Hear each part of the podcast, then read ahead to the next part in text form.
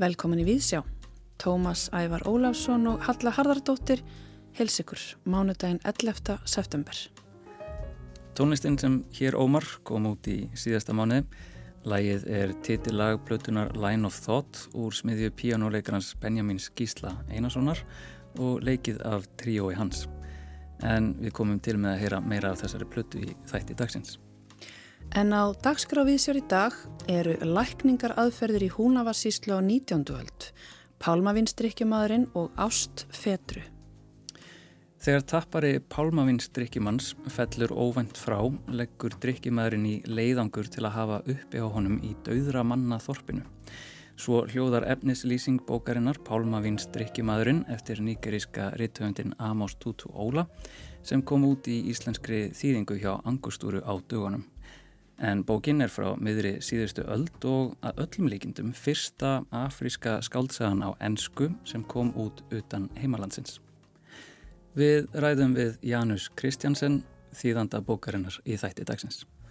Og meira um bækur, nýverðið kom út 31. bókin í reytruðinni Sínisbók Íslenskrar alþýðumenningar og kallast hún Mennlæta hnútar og míkjandi plástrar, lækninga yðkanir Jóns Bergsteð í Húnavasíslu 1828 til 1838. Jón þessi lauk formulegri skólagöngu sinni við fermingaraldurinn og var því algjörlega sjálf lærður læknir. Í dagbúk hans er að finna lýsingar á þeim sjúkdómum sem hrjáði yfir 400 nafngreinda sjúklinga í síslunni og þeim úrraðum sem að Jón beitti. Við kynum okkur Jón og lækningaraðferðar hans í þætti dagsins. En við hefjum þáttinn í leikúsinu. Um helgina var verkið Ást Fetru frumsyngt í þjóðleikúsinu. Eva Haldóra Guðmundsdóttir tekur nú við. Áður en lengra er haldið vil ég láta hlustendur vita að í þessum pistli verður fjallað um ofbeldi og þunglindi. Síðastlegin lögardag var Ást Fetru eftir hérna bresku Söru Kein eitt rótækasta leikskáld síðustu aldar frumsýnt í þjóðlikúsinu. Verkið byggir hún á leikritinu Fetru eftir Seneca sem aftur byggir á gríska harmleiknum Hippolítusi eftir Evripítes. En þótt verkið byggja á leikriti Seneca eru þau gjör ólík. Ást Fetru fjallar um kynferðsofbildi, aftengingu og stjórnun. Sara Kein notar söguna af Girnd Fetru sem leikin er af Margreði Viljámsdóttur á stjúpsinni sínum Heipolítusi sem leikin er af Sigurbjarti Sturlu Allasinni. Þessefur konungur aðþennu, leikin af þresti Lea Gunnarsinni, hefur yfirgefið aðþennu daginn eftir brúðköp þeirra og Fetra situr eftir í höllinni með Hippolítusi og dóttur sinni Strófu, sem leikin er af þöriði blæfi Jóhannsdóttur. Hippolítus liggur þunglindur í herbergi sínu dag eftir dag og Fetra leitar til hyrðlæknisins sem leikin er af Hallgrími Ólafsinni til að hjálpa honum. Læknirinn áttar sig á því að Fetra er heldtekinn af stjúpsínu sínum og varar hana við að gefa sig á valdgirndarinnar en Fetra lætur sér ekki segjast. Við tekur atbyrðarás sem enginnist af ofbeldi, sifjaspellum og gróteskum atriðum. Verkið er virkilega ágengt en jafnframt kýmið og næra augra öllum þeim hugmyndum sem við höfum um leikús. Í grísku harmleikjónum var vaninn að allt ofbeldi, nöðganir, limlestingar eða hvað annað sem geti valdið óhug áhörvenda ætti sér stað baksviðs og áhörvendum síðan sagt frá í gegnum personur verkana. En í ástfetru miðjusettur Sara Kein ofbeldið og gróteskuna og áhörvendur sjá ógæðfeldar og ofbeldisfullar senur af kynferðislegum toga leiknar út á sviðinu. Ég held að allir sviðslistanemar í vestrænum heimi lesi Söru Kein og er það ekki á margra færi að setja hann á svið. Þessi uppsetning á ástfetru finnst mér hlaðaverkið nýjum merkingum og áherslum. En í þessari tilteknu sviðsetningu er samankomið listafólk sem grýpur verkið föstum tökum og skilur eftir sín eigin fingrafur á því. Þegar gengið er inn í salin tekur maður óneitanlega strax eftir lett ljósaborðum sem hanga í beinum línum niður eftir vekkjum leikmyndarinnar. Lýsing ástu Jónu Arnardóttur byrjaði köld og hvít og íkti upplifinuna af gróteskunni. Hún náði að skapa andrumsloft líkt og við værum á rannsóknarstofu sem stutti upplifinuna og eftir því sem líður á verkið verður lýsingin litrikari og tilraunakendari. Myndböndun sem varpað er á leikmyndina eru einni í höndum ástu og eru einstaklega fögur, einleg og viðkvæm. Þau endur speikla innri fegurð personana á snildarlegan hátt. Tónlist tónskáldsins Tuma Árnasonar spilar stóra rullu í verkinu. Verk Tuma á samt hljóðhönnun Kristjáns Sigmundar Einarssonar býr til marglega hljóðheim sem grýpur áharfandan og augrar hefðinni. Skemtilegt er að sjá að listræni stjórnendur hafa verið óhrætt við að notast við dans í þessu þunga leikverki. Sviðshreyfingar Ernestos Camílos Alda Sabal Valdés voru áhugaverðar og fyndnar. Greinilegt að Ernesto hefur valið að leika sér með klísjur á hreinlegan máta sem rýmar vel við berstrýpaða og stílhreina fagurfræði verksins. Dansleikarana hrífur mann en á sama tíma fær áhörfandin leifi til að hlæja að kynferðslegum hreyfingunum sem leikararnir endurtaka á vélrennan og aftengdan máta á meðan ráftónlistin dinur undir. Samstarf við sviðslistahópin Seður hefði mátt nýta betur. Þessi stórkostlega hópur súludansara býr til grípandi mynd á sviðinu í eitt skipti en viðvera þeirra er afskaplega stutt og heldur endaslepp. Einn stansar þurriður blær súludans í stuttastund og óskýrt hvers vegna við fengum ekki að njóta þeirra stundar lengur. Leikaravalið er snildarlegt. Sigurbjörnstur Sturlaðana er á eitthvað fáránlegan hátt að leika ógæðfeldan ofbeldismann og markalösan þunglindisjúkling á fyndin máta. Áhorfendur eru algjörlega aftengtir heipolítusi og þjónar það verkinu vel. Þröstur Leo er óhrættur við að nota kynþokkan í hlutverki Theseifs og hrífur áhærfundur þrátt fyrir að stunda limlestingar án þess að sína nokkurn vott af tilfinningum. Hallgrímur næra glæða senurverksins einkennandi húmor og gletni sem brítur verkið upp. Margrét Viljámsdóttir er snúin aftur í þjólikúsið. Það vita allir sem hafa séðan á sviði að hún er virkilega hæfileikarík og ekki að ástæði lausu að hún er okkar ástsælasta leikona. En mér leið eins og hún væri ekki að leika í sama verki og hinn er leikararnir. Líklegasta skýringin þykir mér vera svo að ætlun leiksturans Kolfinu Nikolásdóttur hafi verið að við fengjum að sjá hana sem ílmenni að leika hlutverk fornalamsins en eitthvað vantaði upp á svo hún rýmaði við restina af verkinu. Þurriður blær leikur strófu af mikilli snild. Hún er svo eina sem við fáum að tengjast tilfinningarlegum böndum. Í ringiðu grótaskunar og ógæðsins sjáum við í kviku strófu og blær glæðir hann að dýrmætu, hráu og marglega lífi sem ég hef sjaldan séð á sviði. Filipía E. Elistóttir býr til stilhreinan en kingimagnaðan heim á sviðinu með leikmynd og búningum. Við berstrýpaða steipu hallarvekkjana verða hugrenningatengsl við panoptikon fangjálsi Michel Foucault. Mér finnst hún ekki einungis endurspegla heið hugræna fangjálsi sem personur verksins eru í, heldur samfélagið allt. Í búningunum leikur hún sér með liti og áferð. Þar mætast silki og gróft ullar eða hörefni sem kalla fram skemmtilega skinnjun á karakterunum. Gull og sylfur kvítt og svart og draplitað, en grái liturinn er í aðallutverki og spennan melli mismunandi áferðana í fagurfræðinni unaðsleg. Öll smáatriðin á sviðinu eru úthugsuð og er unun að rína í hvert krók og kima því maður sér alltaf eitthvað nýtt sem kallar á nýjar vangaveltur og tengingu við hugmyndafræði. Kolfinna Nikolásdóttir leikstjóruverksins hefur einstakann hæfileika til að púsla saman þessu stórkoslega listafólki og draga fram styrkleika þess á augrandi máta. Hún býr til dýnamískar myndir á sviðinu og leikur sem er hægantakt í andstæðu við knaft verkið. Þetta er afskaplega erfitt umfjöllunarefni. Sefjaspell, þunglindi og ofbeldi er eldfimt efni og auðvelt að falla í þá grefju að fjalla einungis um slaufunarmenningu eða að fara í keppni um hvor er saklaus eða segur. En Kolfinna notast við klesjur leikhúsins, sábóopera og jafnvel film noir tilveisanir og býr til úr þeim brandara til að komast að kjarnaverksins. Sorglegt píanóstef undir sorglegum senum gerir okkur meðvitið um að okkur er svo oft sagt hvern okkur á að líða. Þegar fetra fekrar sig dramatísk eftir sviðinu og leggst í stegan er kastljósi varpað á hana líkt og í klassískri sábúóperu.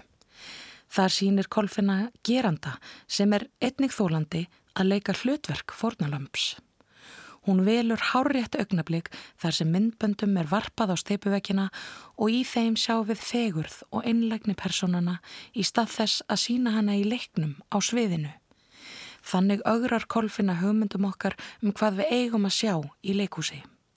Í lagavali og kariókisinum setur kolfina marksitt á verkið og talar inn í afleðingar ofbeldis og aftengingar með fjarlægð og húmor. Personurnar eru allar markalösar á einhvern hátt og aftengdar en í leit að tengingu. Kolfina dansar á línu húmors og sársöka sem er ótrúlega spennandi. Rétt eins og Sara Kane talaði sjálf um þá er ekki eini tilgangur leikúsins að setja fram tákmyndir sem áhörfendin setur og tólkar heldur er leikúsið til að augra heimsín okkar og ekki endilega hvetja okkur til að komast að niðurstöðu. Hún kemst handan þess að fjalla um hver er segur og hver er saglus og varpar ljósi á að í kynferðisafbrótamálum er heilmikill performance drottningaviðtöl við mynda gerendur og að þólendur þurfi að afhjúpa allan þeirra sársöka á samfélagsmiðlum er allt sögum þess að réttarkerfið og við sjálf erum ekki færum að takast á við afleiðingar þessa grófa ofbeldis. Leikstjórn kolfinu ger það verkum að það er ekki gert lítuður kynferðsofbildinu eða afleiðingum þess. Þvert á móti dregur hún skýra línu og við skinnjum að allir í verkinu eru sekir og saklusir á sama tíma. Sá eini sem stendur eftir sem sigurvegari er Þesefur sem lappar eins og rokkstjarnar út í frelsið úr viðjum leikúsins. Ástfetru er mikilvæg uppsetning þrátt fyrir að vera stutt og skörp. Ekki einungis vegna nýstaruleika hennar heldur vegna þess, held ég, að þarna sé að fæðast ný leið til tjáningar í leikúsmiðlinum. Það er verið að tegja skinnjun okkar á verkinu út fyrir fyrirmörk og leita nýra leiða til að takast á við erfið umfjöllunarefni. Ég held að Sara Kane hefði elskað þessa uppsetningu því hún augrar leikúsforminu á nýjan hátt og gerir grínaði um leið. Kolfina á samt öllu þessu frábæri listafólki næra kjarna þessa óræðu mýkt og viðkvæmni verksins jafnframt því að draga fram einkennandi húmor Söru Kane. Í raun er hægt að finna von í verkinu, vonina um að komast handan performansins og að við getum mæst sem manneskjur og fetaði leiðina saman. Sagði Eva Haldóra Guðmundsdóttir um Ást Fetru eftir Söru Kein í leikstjórn Kolfinu Nikolásdóttur sem frumsynd var í þjóðleikursunu um helgina.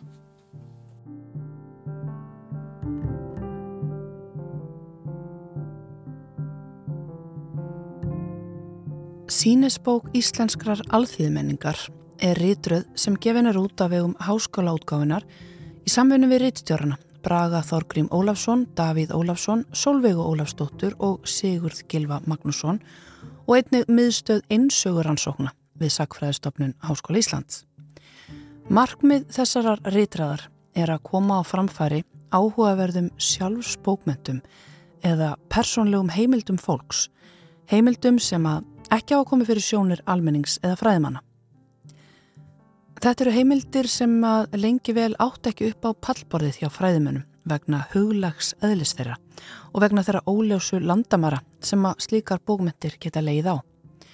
En þetta eru auðvitað ómetanlegar heimildir um líf alþjóðu fólks og líkt og segir í kynningarteksta um rítröðuna þá geta slíkar heimildir veitt ríkulega einsinn í handritarfin sem varvettur er á söpnum víða um land og brúa bylið á milli fræðimanna og áhugamanna. Nýverið kom út 31. bókin í ritröðinni og kallast hún Meinleita hnútar og míkjandi plástrar, lækninga yðkanir Jóns Bergsteð í Húnavasíslu 1828 til 1838. Jón þessi laug formlegri skólagöngu sinni við fermingaraldurinn og var því algjörlega sjálf lærður læknir. Í dagbúk hans er að finna lýsingar á þeim sjúkdómum sem hrjáðu yfir 400 nafngreinda sjúklinga í síslunni og þeim úrraðum sem að hann beitti. Það er þau Haldóra Kristinsdóttir og Jón Torfason sem að tóku saman og reyta ingang Og Haldur er hinga komin til að segja okkur betur frá þessu verkefni, Jóni og dagbúkinni og þessum lækningar aðferðum hans. Heyrum örstuðt brott úr dagbók Jóns Bergsteð áður við höldum lengra. 28. desember. Sölvi Bjarnason, vinnumadur, 30 ára á ytri kárastöðum. Nóttina millir þess tíunda og ellefta varð maður þessi úti á Vassnes fjalli og hafði af þreitu lagt sig niður en sér til stórs skada, fallið í svöfn, komst þó til bæja undir dag. Var þá látin fara í kallt vatn um eitt dægur og síðan ekki meir. Þá ég nú sá hann voru allar tær á hægrafæti svartar og dauðar. Líka dögt sár aftan á hásinninni, ofan á hælinn, hjá húðinn á báðum fótum svört og hörð. Hásinn á vinstrafæti komin í sár og líka utanvert á jarkanum upp frá litlu tanni var svart og dögt sár inn í bein sem og gómurinn á litlu tanni svartur og döður. Á þeim hægrafæti voru nú allar tærnar af teknar upp við holdið og burt skorið undir þeim allt það döða, líka fleið burt það harða döða hjáskin og sérkvað dött. Ofan í þau hálfdauðu sár brúkaði ég ólegum júnip og embl admirab yfir öll sárin. Eftir þrjá daga þá sárin voru öll reyn með fullu lífi og öll ólikt fannst ei meir, let ég brúka fínt skafið skýði ofan í sárin á næturnar en plásturinn á daginn sem er eitt kvört ágætasta meðal við þessi sár því hann sjáanlega bæði hreinsar og lífgar sárin eigðir dauðu og dregur í hold þó án villikjöts og græðir best. Hér heyrðu við eina af þeim lýsingum sem eru að finna í bókinni sem var að koma út í þessari ritröð sínisbók Íslenskrar alþýðmenningar númið 31 í rauðinni. Þessi bók kallast eins og áður sáði Mennleita hnútar og mýkjandi plástrar lækninga yðkanir Jóns Bergsteð í Húnavasíslu 1828 til 1838 og uh, konan á baku þetta verkefni, Haldóra Kristinsdóttir, hún er hinga komin, þið Jón Torfarsson tóku þetta saman, ekki satt Haldóra? Jú, það er rétt. Hvernig kom þetta eiginlega til að þið fóruð að svona kynna ykkur þetta handrit? Uh, sko ég er að vinna á handritsafni landsbókasafsins og hérna búin að starfa þar í nokkur ár og er að sísla með handrit náttúrulega alla daga, allan daginn. Uh, og ég eiginlega bara rakst á þetta handrit. Uh, mér fannst þetta áhugavert þetta bara efnisins vegna. Uh, en hérna kannski fyrst og fremst kveikt þetta áhuga minn bara út af persónulegur tengingu í svæðið þannig ég fór svona að dunda mig við að skrifa þetta upp létt sérst mynda handritið og fór bara að leika mér í mínum frítíma að, að skrifa þetta handrit upp og hérna og kom svo að því þegar ég var svolítið svona komin á veg með það að Jón hafði sérst líka uh, farið að dunda sér við að, að skrifa þetta upp og hérna og það var eiginlega þegar við vorum svona, já, bæði komið alltaf langt með það sem við áttum okkur á og við værum með sama verkefni í höndunum.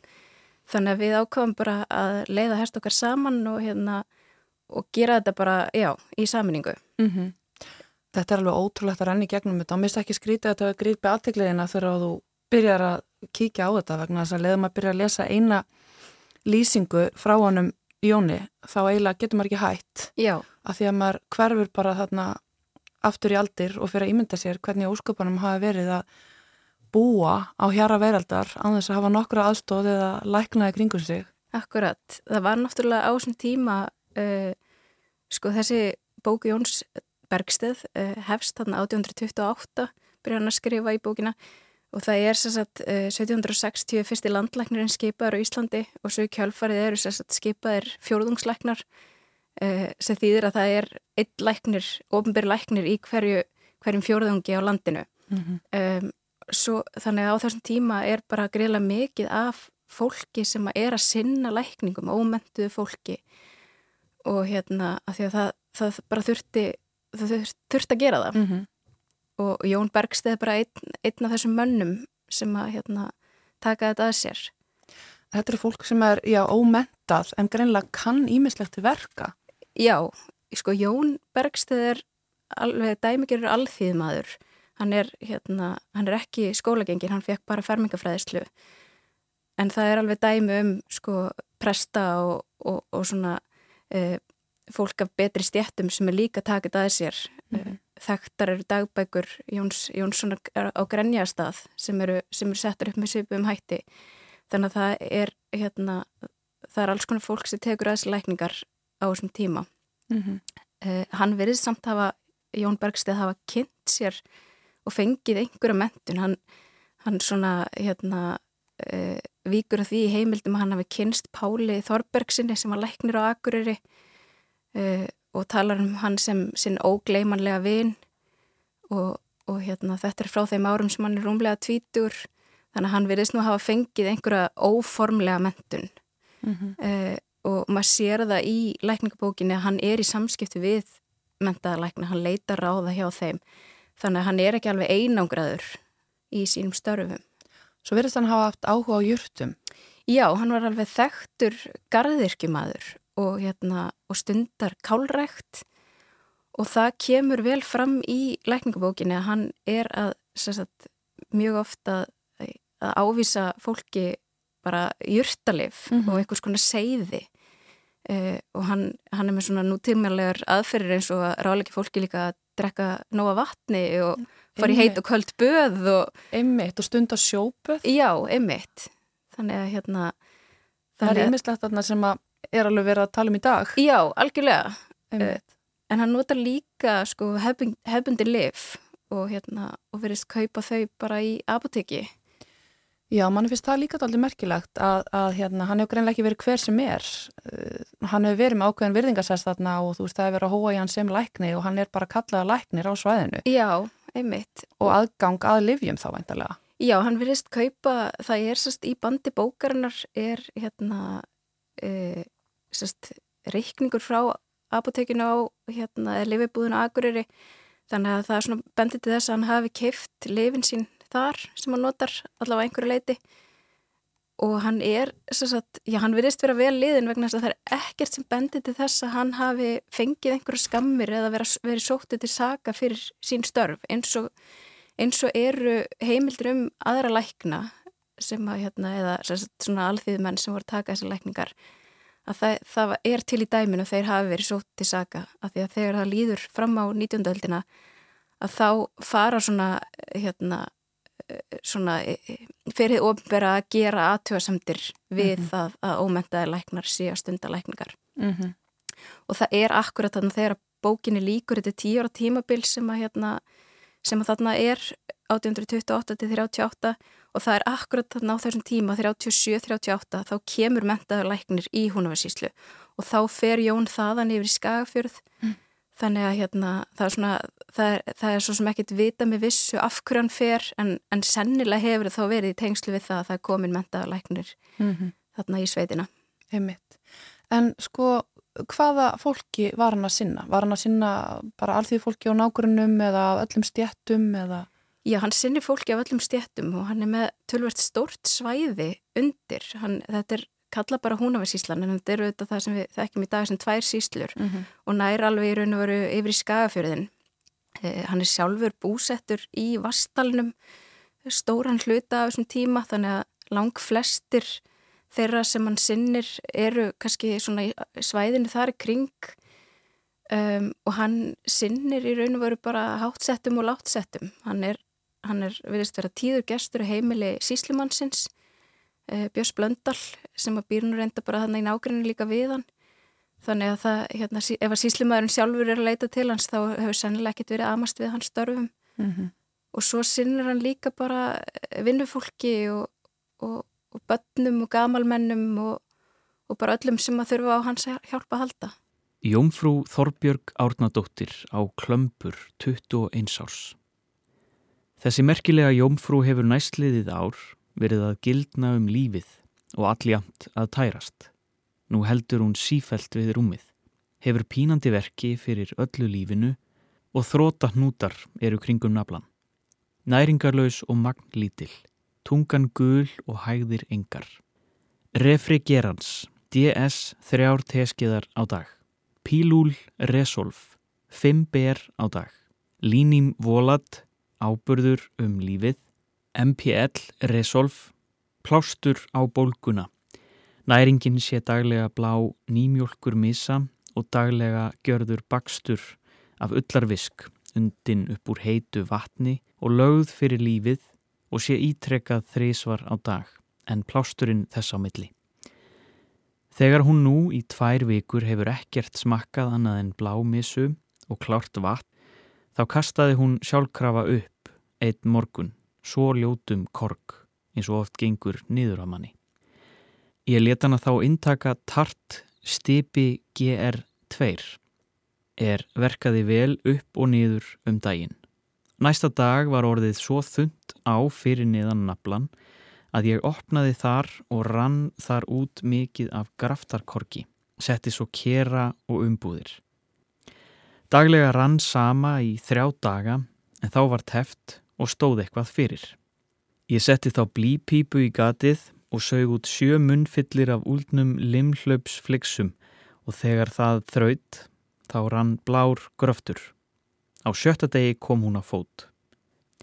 T-in-C-T, China Compose daglegir drópar. Bals, Vitai, Hoff, Spirit, Lavend, Compose. Ole Sinnam, styrkjandi endurlífgandi drópar, 20 til 30 að brúka kvörn morgun í víni.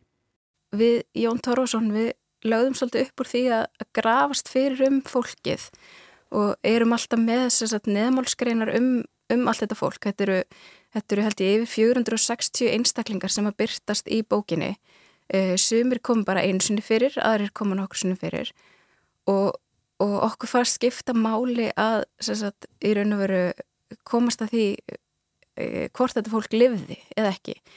Og við erum svo sem ekki að fara í það í löngum máli en við erum með neð, neðamálskreinar um fólki hvar það fættist og hvenar og hvar það bjó mm -hmm. uh, og hvenar það dó.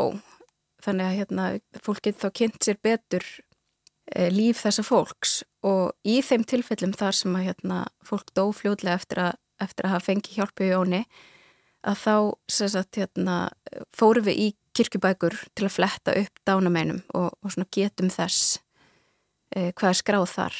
Mm -hmm. Það eru auðvitað mikill barnadauði, það eru erfiða lýsingar. Já, akkurat og, hérna, og oft kannski lítið sem hann hefur geta gert. Uh, mér er minnist að saga af lillum dreng sem er bara, hann lýsir í þannig að hann sé nær dauða en lífi örfara vikna gamall og, og hérna kirkibækur staðfesta það, hann deyr í raun og veru bara sama dag og Jón, Jón sinnir honum mm -hmm. úr, úr einhvers konar batnaveiki mm -hmm. Svo er alveg svakalega lýsingar á bara skurðaðgerðum Já, einmitt, hann stundar skurðaðgerðir eh, og það er náttúrulega kannski alveg magna með að við sko, þau tæki tól sem hann hafði mm -hmm. um, Enga deyfingar Enga deyfingar, nei, hann, hann læti fólk fá sér smá vindhár uh, þess að deyfa sig örlítið og í einhverju tilfellum held ég að fólk hafi nú alveg lifað uh, aðeins eftir, eftir þessar skurðaðgerðir en hérna en margir dóðu þetta en það er kannski ekki bara skurðaðgerðinni sjálfri að kenna heldur þetta bara sjúkdómnum sem mm -hmm. var oft langt gengin En hvernig var svona viðþór til þessar lækna almennt? Ég meina, orðið skottulækningar er komið fram þarna, Akkurat, jú, ég, ég held það. Uh, sko, mér er svolítið erfitt að leggja mata það vegna þess að það koma þarna alls konar reglugerðir um það að, að ómentaðir læknar með ekki stundalækningar. Um, en samt sem áður erum við með heil samfélagin sem að, sem að treysta á þetta fólk. Mm -hmm og það eru önnur dæmi uh, um það að menn hafi fengið bara leifi hjá landlækni til þess að stunda sína lækningar og hérna ég þekki til annars mann sem var í Stengrimsfyrðinum sem hétt líka Jón Guðmundsson sem var aðeins setna á öldinni þar sem að repstjórin og, og hérna, presturinn og betri bændur í sveitinni sko hvetjan til þess að sækja um leifi þannig að hérna, maður sér að samfélagi er oft á bakvið þetta fólk mm -hmm. Talandum fólki sem að hann eh, var að starfa með, þarna kemur nú einn fræg skaldkona fyrir. Akkurat, já, eh, Rósa Guðmundsdóttir Vassendarósa hún, hérna, hennan abbyrtist nokkru sem í bókinni og hérna við fáum upplýsingar um það að hún er bara verið veik eins og aðrir, e, hún er með gallsíki, ekki bara skonar gallsteinar. Um, og hún, sagt, hann sinnir henni og, og hérna og svo kemur hún líka fyrir uh, þar sem hún, í raun og veru hann er bara ávísinni einhverjum livjum og hún var sjálf uh, ljósmöður eða stundaði þau störf. Þannig að þá veldi maður því fyrir sér hvort að hann sé sko að gefinni liv fyrir hana sjálfa eða hvort að hann sé að útvenni veginni lif fyrir þá sjúklingar sem hún er að sinna. Mm. þannig að hérna, gaman að sjá hennar nafn byrtast þarna. Já, einmitt. Sko, en svona almennt um þessa lækna, þessa alþýðu lækna, vitu við hversu margir voru starfandi á þessum tíma í, hverju, í hverjum landsluta og voru þetta þá aðalega fólk að læðri stjættum eða efri stjættum, voru þetta bara kallmenn eða voru eitthvað konur sem voru í þessum hlutverkum? Sko, ég kann nú ekki alveg að, hérna, að segja frá því en, en ég held að þetta hafi bæði verið konur og kallar um, konunar hafa kannski verið fyrst og fremst að aðstofu fæðingahjálp um, já, ég, ég hugsa að þetta hafi verið kannski bara þeir sem að voru svolítið með þetta í, í sér mm -hmm. sem að hérna, sem að gripu í þetta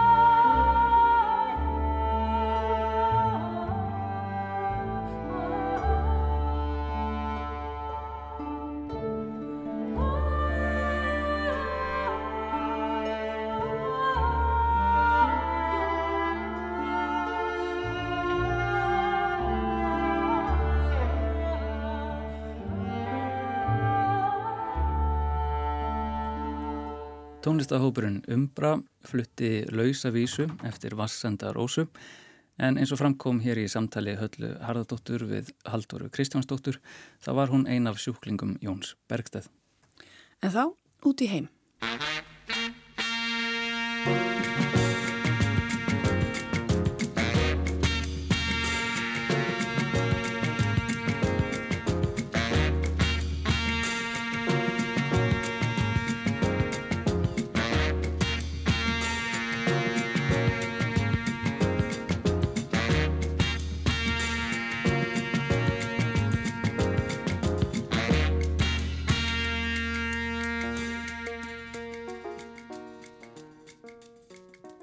Ég dvaldi í þrjú ár hjá honum í þessu þorpi, en meðan á dvölinn stóð tappaði ég mitt eigið pálmavinn. En auðvitað gæti ég ekki tappa það í takti drikki mína. Konan mín hjálpaði mig líka að bera það frá egrunni og yfir í þorpið.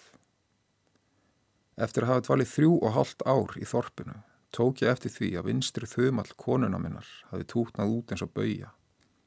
En hún kendi sér ekki meins. Eitt daginn fylgd hún mér út á egruna þar sem ég tappaði pálmavíninu og mér til undrunar þegar hún skar bólkin þumalinn á þyrni pálmatrés ruttist sveinbarn út úr honum og fór að tala við okkur rétt eins og hann væri tíu ára gammal drengur. Innan við klukkutíma frá því að drengurinn kom út um þumalinn hafði hann stækkað upp í næstum þrjú fet og nokkra tommur og rött hans var álíka skörp og þegar steðji er barinn með stálhamri. Það fyrsta sem hann gerði var að spyrja móðu sína. Vistu hvað ég heiti? Móður hann saði nei og beindi hann þá sömu spurningu að mér og saði ég nei. Sæðist hann þá heita Surtsýr sem þýr sonur sem brátt minn breytast í eitthvað annað.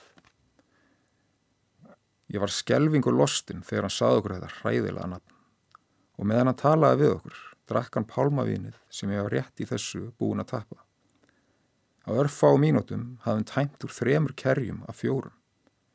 Ég braut heilan um hvernig við getum skilið barnið eftir á egrunni og flúið inn í þorpið því allir höfðu séð að vinstri þumall kona minnar hafði bólnaðu upp en hún hafði ekki orðið vanfær í réttum líkansluta eins og aðrar konur. En í miðjum þöngum mínum tók barnið síðasta pálmáfinskerið og drakk úr því í gegnum vinstra munvikið og gekk svo í átt að þorpinu þótt enginn hefði vísað því veginn þangað. Við stóðum stjörf og horfðum á eftir honum ganga af stað og stundakorni síðar fóru við humátt á eftir honum en sáum hann ekki fyrr en við komum í þorpið. Og okkur til mikillar undrunar gekk barnið inn í húsið sem við byggum í. Þegar barni gekk inn fyrir, hilsaði þá öllum sem það hitti, rétt eins og það þekkti alla og baði um mat sem það fekk og kláraði áraðan það fór inn í eldús og kláraði þar allan mat sem það komst í. En þegar maður nokkur sá barni borða það sem eftir var að matnum í eldúsinu, sem átti að reyða fram um kvöldið, sagði hann því að heipja sér þaðan út. Það síndi ekki á sér farasnið, heldur réðst á mannin. Þetta merkila barn let högginn dinni á manninum svo hann sá stjörnur áður hann forðaði sér úr eldusinu. En barnið fór ekki fett.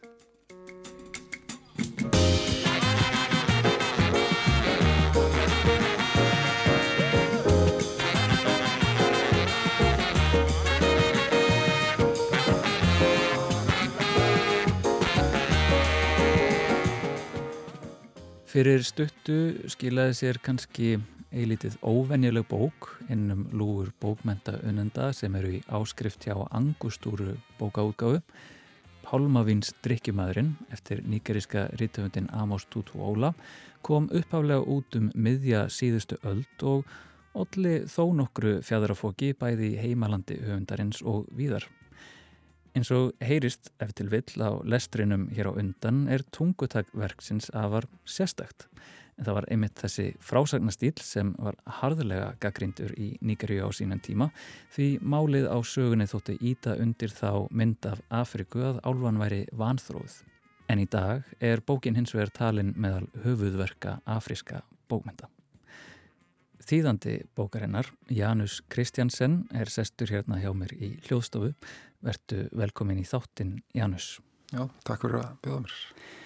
Og mér langaði að byrja að spyrja þig út í þennan höfund. Eh, hver er Amos Tutu Óla?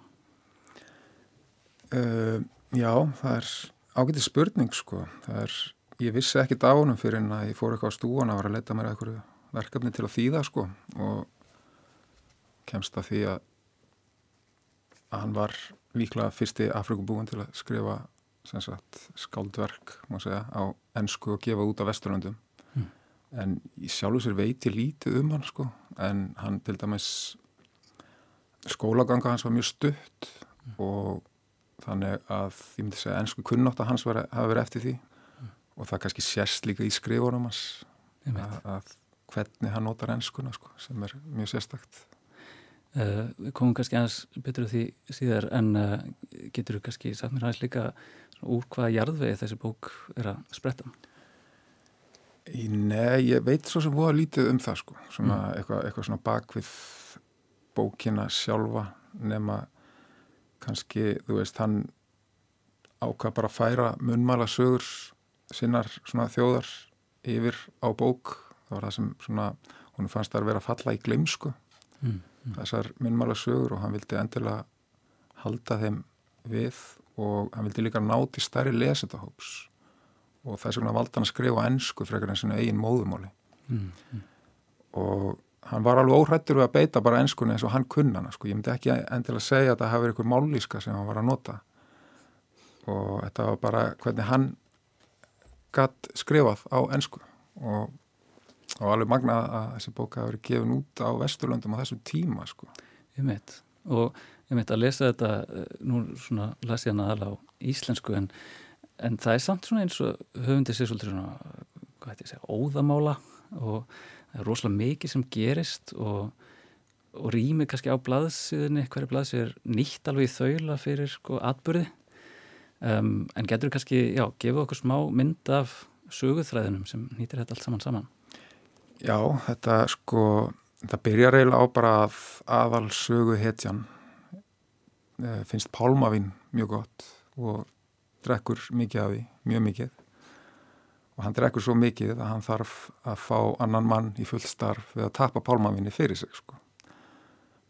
en svo gerist það að pálmavins tapar hann hans deyr fellur úr einu trinn og, og deyr í miðjum störfum.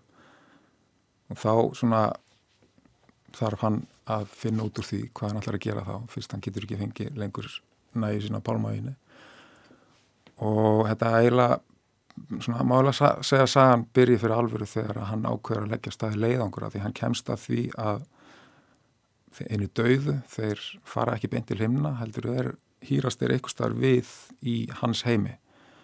Og hann ákveður að leggja staði leiðangur og hafa upp á pálmæðinstaparan sínum og fá hann tilbaka.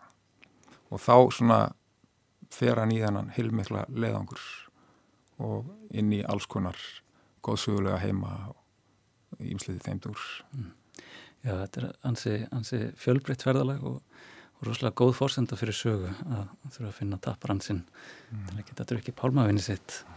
Og ja, allavega samfærið mig alveg um leiða að, að fylgja hann eftir.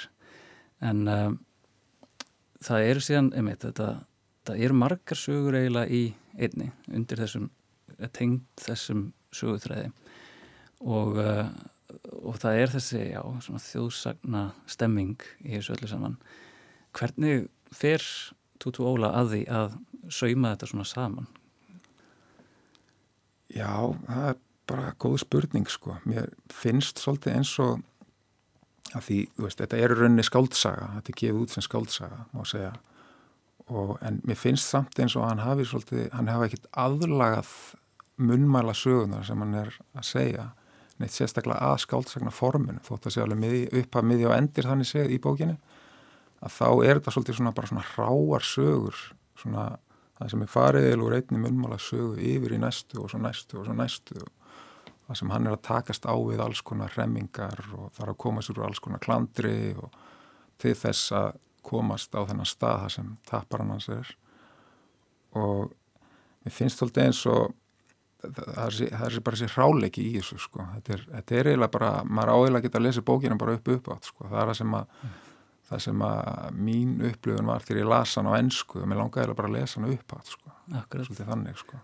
Ég hérna, hef einmitt verið að ræða þessu bókun okkur kollega mín og, og, og það var einmitt einn sem hafði lesið hann og einmitt komst eiginlega ekki hjá því að, bara lesa hann upp átt fyrir eitthvað og, og sjálfur var ég samt að reyna að lesa hann fyrir mér hratt og skauta yfir hann um, því það er nú frekar stutt sem hann kom út og uh, ég fann það mjög erfitt líka að það er svo mikið sem gerist að, að ég fór að fá tilfinninguna að þetta væri svolítið svona bók sem að les kannski 2-3-4 síður fyrir svefnin fær eins og eina þjóðsögu og svo heldur maður áfram næsta dag og það er alltaf svona sama löngu vittlis og sagan eitthvað einn sem heldur áfram.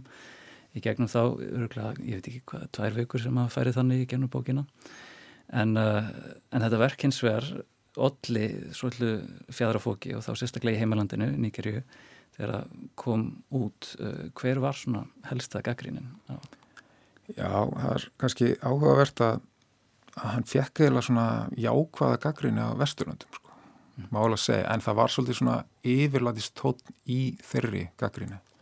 Það voru kannski nótu orð eins og villimannslegt og einfældningslegt og skrifaði letilegri ennsku en veist, samt alveg var voru undirtektin þar alveg ágættar en þetta var kannski bara tíðarandin þarna, 1950 eitthvað en það var kannski áhugavert einmitt í heimalandinu og þá fekk hann eiginlega svona meiri svona gaggríni sko, svona þeim þótti þetta ekki svona kannski sinni þjóð til sóma að vera að gefa út einhverjar munnmæla sögur og færa þær eitthvað í stílinn fyrir einhvern annan markkóp sko. mm. og þá sérstaklega á, með, á þessu málfari sko, nota þetta málfar sko og þeim, þeir, þeim fannst þetta kannski ít undir eitthvað svona stereotýpur um að, að nýgarvíbúar og kannski afrikubúar væru bara einhverjir kvotbændur sem kynnu ekki neitt og, og eitthvað þannig sko mm. Við, við kannumst alveg við þetta hérna á, á litla Íslandi, nýlandi þjóðin að reyna aðskil okkur frá, frá Danmörku og, og þetta, þetta er oft viðkvæmt mál svona, eða var allavega. Mm -hmm. En uh, ég tók eftir því að með bókinu þá, bæði inn í bókinu er myndin sem fylgir líka innblúðungur sem er postkort, sem að færa að sjá uh, sagt, eins og ljósmynd af handritunum sjálfu, handskrifuðu af Tutu Óla.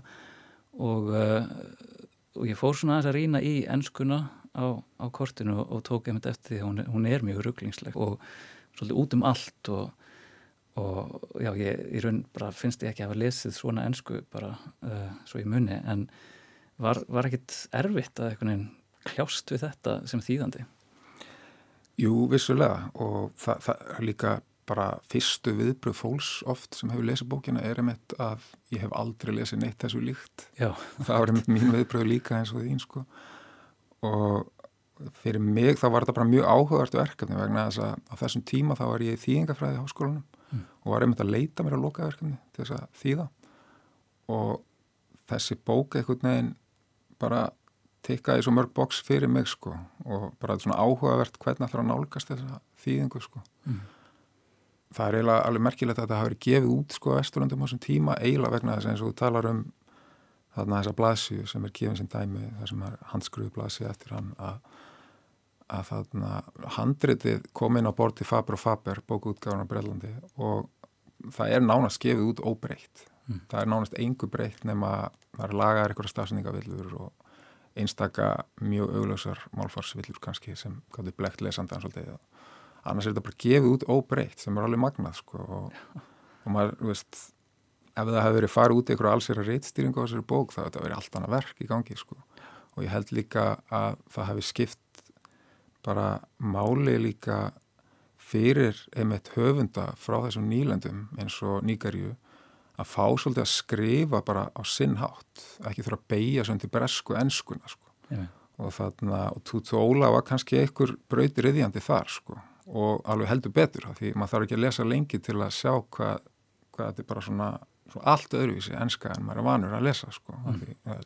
þetta er ekki eitthvað málíska eitthvað, þetta er bara hans enska og það komu aðrir höfundar í kjölfarið eins og Chinua Achebe sem skrifaði þarna uh, Things Fall Apart til dæmis, allt sundrast sem var einmitt líka gefin út hjá Angustúru í þessari þýðingaritru og Achebe, hann notaði einmitt líka alveg enskun á sinnhátt, það er kannski ekki eins augljóst mm. og það, veist, þetta er þetta bara mikilvægt að þeir geti ef þeir vilja skrifa einsku að skrifa hann á sinnhátt sko. slíta sér svolítið frá emitt nýlendu herrunum og, og, og svona þeirra menningar heimi og segja frá sínum menningar heimi kannski meira af því það er það sem þeir eru að skrifa um. Og emitt talandum menningar heima þá uh, er þetta ekki í fyrsta skiptið sem að uh, þú tekst á við nýgaríska ennsku af þessu tægi en árið 2021 kom verkuðundarins tíma möndu Ngozi Adichie það sem hangir um hálsin í þinni þýðingu út uh, rétt áður en hún mætti sjálf hinga á bókmyndaháttíð en uh, svo bók gefur einmitt dýrmæta einsinn í nútíma líf uh, nýgerska kvenna og, og bæði í sko, heimalandinu sem innflytjendur þá aðalega í bandaríkinum en séðan er pálmavinstreikimaðurinn þá eru einmitt komin í alltaf að sálma og, og eiginlega í, hjarta í að rúpa þjóðflokksins. Hva, hvað myndur þú segja að væri sem dræði þig að þessum tiltegna menningarheimi einmitt bæði þessum svona nútíma og, og síðan þessari stóru sögu? Já, bara svona í grunninn held ég að sé bara mér finnst gaman að lesa bókmentir frá framandi menningar heimum sko, mér finnst það mjög gaman og svona frá svona sjónarhóli sko þýðandans, þá er alveg magnað að geta nálgast frumteksta á ennsku frá Afríku. Mm. og ég tala nú ekki um eins og þessa bók eftir Amast Tutu Óla skrifið fyrir 70 árum og og þú færð þarna bara beinan aðganga munnmala sögum nýgaríu sko á, á frumteksta, í frumteksta sko. Það, það var alveg magnað að finna þetta skilur og, og sem þýðandi var þetta mjög dýrmætt sko og það var ekki aftur snúið þegar ég fann þessa bók sko. En með tíma möndu það var allt öðru í sér verk sko. hún skrifa náttúrulega bara mjög svona hefðbundnar í ennsku þannig að það var allt annað í gangi þar sko þegar ég var að þýða. Right.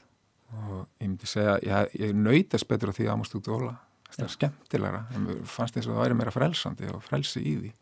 Já og, og mér fannst alveg skuggalegt þegar ég las þarna eina af sögunum eða ævinturunum sem að eh, Pálmæfinn streykjumæðurinn eða fadir allara guða eins og hann kalla sér stundum í bókinni lendir í að það sem að hann og konan hans standa fram með fyrir á og eru búin að vera sóguð inn í tré þar sem að er einhver paradís uh, sem opnast fyrir þeim og þau vil ekki fara og en eru sendið hérna aftur í burtu og er síðan hjálpað yfir ána. Þar sem, já, svona útsendari trésins uh, sækir sprek og leggur í ána og það verður brú og þau geta farið yfir ána. Og ég hugsaði bara þetta er bara þetta er bara álvaheimar þetta er bara eins og hinn er íslensku álvaheimar mm. og, og alls konar tengingar sem maður sér og, og einhvern veginn maður fer að fá einhvern veginn að þess að tilfinninguna að heiminni sé hans kannski minni en maður held eitthvað þýjumlikt en, en er, ertu með fleiri þýðingar uh, að svipuðum toga á, á, á tekniborðinu? Já, ég er svona ég er að lesa næstu bók eftir Amstúdóla sem heitir uh, My Life in the Bush of Ghosts. Og hún er af mjög söpuðum tóa og það, það er einmitt það aðalsögu heitjan lendir í remmingum það, brýst út stríðið þorpinu og er að flýja með bróðu sínum og svo er bróður hans tekinn til fangað þrælahöldurum og hann er að flýja og þarf að flýja inn í eitthvað drauga sko mm. og svo gengur svolítið bókin út af það að hann þarf að finna leiðina út já, já. Mm. og þannig að þetta er svona tóa og já, ég gæti alveg hugsað mér að því að hann er næst sko okay. svona ekki alveg búin að ákveða en það er alveg mögulegt Við sjáum hana kannski á, á næstu árum Já, ég, það getur alveg vel verið. Ég held að það er mjög skemmtilegt, allavega fyrir mínu hönd. Já. en Janus Kristesson takk kærlega fyrir að koma í, í Víðsjó og spjallum bókinu Já, takk svo nes, takk fyrir að hafa mig. Það eru þessum nótum sem að Víðsjó líður undir lok þennan mánudaginn. Halla Harðardóttir og Tómas Ævar Ólafsson þakka samfélgina í dag. Tríó Benjamin Skísla fylgjur okkur hér síðasta spölin með læginu Simba. Verðið sæl.